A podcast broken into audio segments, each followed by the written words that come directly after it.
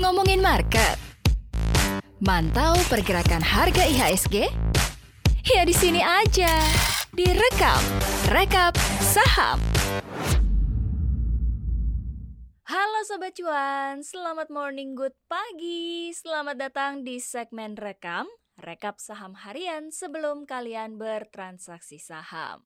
Seperti biasa nih, setiap jam 8 pagi dari hari Senin sampai hari Jumat, ada gue Angel yang setia menemani Sobat Cuan dengan sejumlah informasi menarik dan sudah masuk nih ke dalam Radar Rekam hari ini. Cie cie, kayaknya ada yang udah mendulang cuan nih kemarin. Ayo ngaku, biar sedikit nggak apa-apa kok sobat cuan. Yang penting cuan, ya nggak? Karena indeks harga saham gabungan pada perdagangan Rabu kemarin 22 September 2021 ditutup menguat 0,78 persen ke level 6.108. Data perdagangan Rabu mencatat nilai transaksi sebesar 13,94 triliun rupiah dengan asing mencatatkan net buy sebesar 462,7 miliar rupiah. Saham yang paling banyak diborong asing adalah saham duo bank big cap yaitu PT Bank Rakyat Indonesia Tbk atau BBRI dan PT Bank Sentral Asia Tbk atau BBCA dengan nilai transaksi net buy masing-masing 253 miliar rupiah dan 188,4 miliar rupiah. Sementara itu saham yang banyak dilepas asing adalah saham PT Bank Mandiri Tbk atau BMRI dengan nilai transaksi jual bersih senilai 43 miliar rupiah dan XL Aksiata Tbk atau EXCL senilai 41,2 miliar rupiah. Kekhawatiran investor terkait dengan risiko penyebaran COVID-19 varian Delta sekarang ini sudah mulai berkurang. Setelah Johnson Johnson atau JNJ ini melaporkan bahwa suntikan vaksinnya memiliki efektivitas hingga 94%. Selain itu, kecemasan investor nih terkait dengan krisis likuiditas Evergrande Group sepertinya juga udah mulai berkurang ya Sobat Cuan ya. Hal ini itu ditandai dengan mulai stabilnya pasar saham Asia pada perdagangan kemarin. Ya, semoga aja ya Sobat Cuan hari ini IHSG juga kembali ditutup di zona hijau gitu ya Sobat Cuan ya. Amin. Nah, kali ini nih berita soal salah satu sektor perbankan yang banyak diborong asing kemarin nih, yaitu Bank Rakyat Indonesia atau BBRI yang mencetak rekor perusahaan BUMN dengan rights issue terbesar dalam sejarah pemerintahan Indonesia pada 13 September 2021 lalu yaitu sebanyak 16,1 miliar saham. Wakil Menteri BUMN 2 Kartika Wirjo Atmojo dalam rapat kerja dengan Komisi 6 DPR mengatakan, penambahan modal dengan skema memesan efek terlebih dahulu atau MHETD melalui imbreng saham pegadaian dan PNM senilai 54,77 triliun rupiah. Berdasarkan keterbukaan informasi BRI yang disampaikan kemarin 22 September 2021, sudah mencapai 23,79 miliar HMETD yang sudah ditukar menjadi saham baru. Jumlah ini mencapai 84,32 dari keseluruhan HMETD uang diterbitkan dalam rights issue kali ini, sehingga tersisa 4,42 miliar HMETD yang belum ditukar menjadi saham. Dengan harga pelaksanaan Rp3.400, maka BRI telah mendapatkan modal baru senilai 80,9 triliun rupiah dalam rights issue kali ini. Namun sebagian bukan dalam bentuk tunai gitu ya Sobat Cuan ya, tapi bentuk imbreng saham PT Pegadaian dan juga PT Permodalan Nasional Madani atau PNM.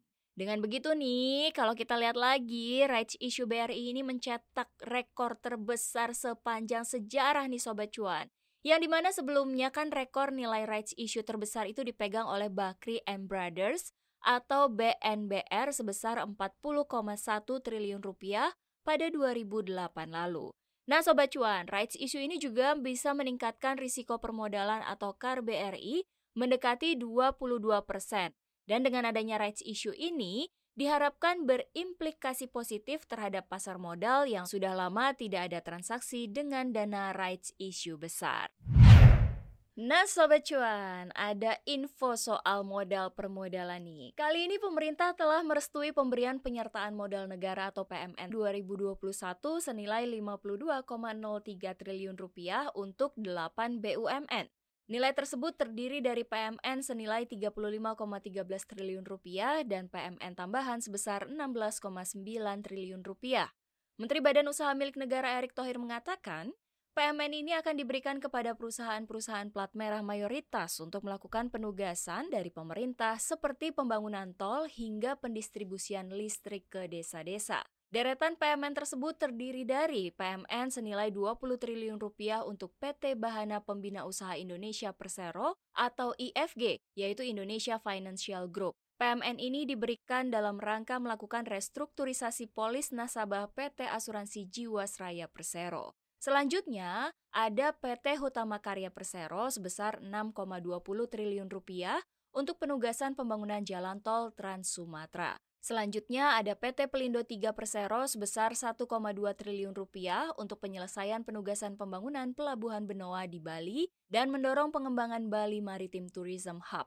Kemudian PT Pengembangan Pariwisata Indonesia atau Indonesia Tourism Development Corporation senilai 470 miliar rupiah untuk penugasan pembangunan infrastruktur dan fasilitas penunjang di Labuan Bajo. Lalu PT Kawasan Industri Wijaya Kusuma Persero mendapatkan anggaran senilai 977 miliar rupiah untuk pembangunan kawasan industri di Batang. Selanjutnya PT Pal Persero mendapatkan 1,26 triliun rupiah untuk penugasan teknologi pembangunan, pemeliharaan, dan perbaikan kapal. Terakhir ada PT PLN Persero mendapatkan senilai 5 triliun rupiah untuk pembangunan transmisi gardu induk dan distribusi listrik masuk desa. Sedangkan untuk PMN tambahan yang sudah direstui tahun ini diberikan kepada Hutama Karya sebesar 9 triliun rupiah yang merupakan tambahan untuk pembangunan jalan tol Trans Sumatera. Lalu, PT Waskita Karya TBK atau SKT ini diberikan 7,9 triliun rupiah untuk mendorong restrukturisasi dan penambahan modal melalui hak memesan efek terlebih dahulu atau rights issue perusahaan. Nah, ayo diperhatikan emiten-emitennya dan juga semoga suntikan modal ke 8 BUMN ini bisa menggenjot gitu ya sejumlah PR infrastruktur di tanah air. Nah, kali ini ada kabar baik dari sektor mining di mana harga timah dunia ini melesat pada perdagangan 22 September kemarin. Persediaan yang rendah ditambah kabar baik dari Evergrande mendorong harga timah ini semakin dekat dengan rekor harga tertingginya sepanjang masa. Harga timah dunia tercatat 35.060 dolar Amerika Serikat per ton atau naik 3,54 persen dibandingkan harga penutupan 21 September 2021. Persediaan timah dunia di gudang London Metal Exchange pada bulan September 2021 tercatat 1.251 ton, turun 35,8 persen mantuman dibandingkan bulan Agustus 2021.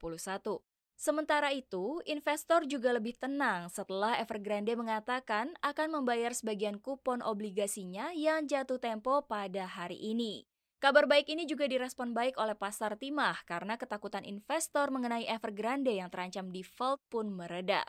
Karena kalau sampai kejadian, kasus Evergrande ini kan bisa berdampak pada laju ekonomi China sebagai importir timah terbesar di dunia dan juga berpotensi menjadi pemicu krisis ekonomi global. Nah itu dia tadi Sobat Cuan, informasi yang masuk ke dalam radar rekam hari ini. Semoga informasi yang gue kasih tadi itu bermanfaat sekaligus bisa mendatangkan cuan untuk Sobat Cuanku tersayang.